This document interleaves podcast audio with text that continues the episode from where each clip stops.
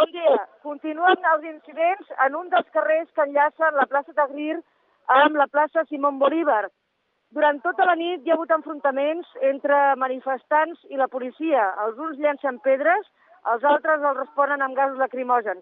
De moment hi ha hagut més de 100 ferits. Nosaltres hem pogut veure com es desprovaven davant nostre alguns joves que han evacuat cap als hospitals de campanya que hi ha uns metres més enrere d'aquesta entrada de carrer al més centre de la plaça Tagrir.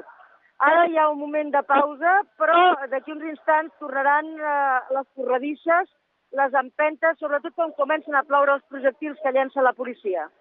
Jordi Just, Maria Alba Gilabert, Catalunya Ràdio, al Caire.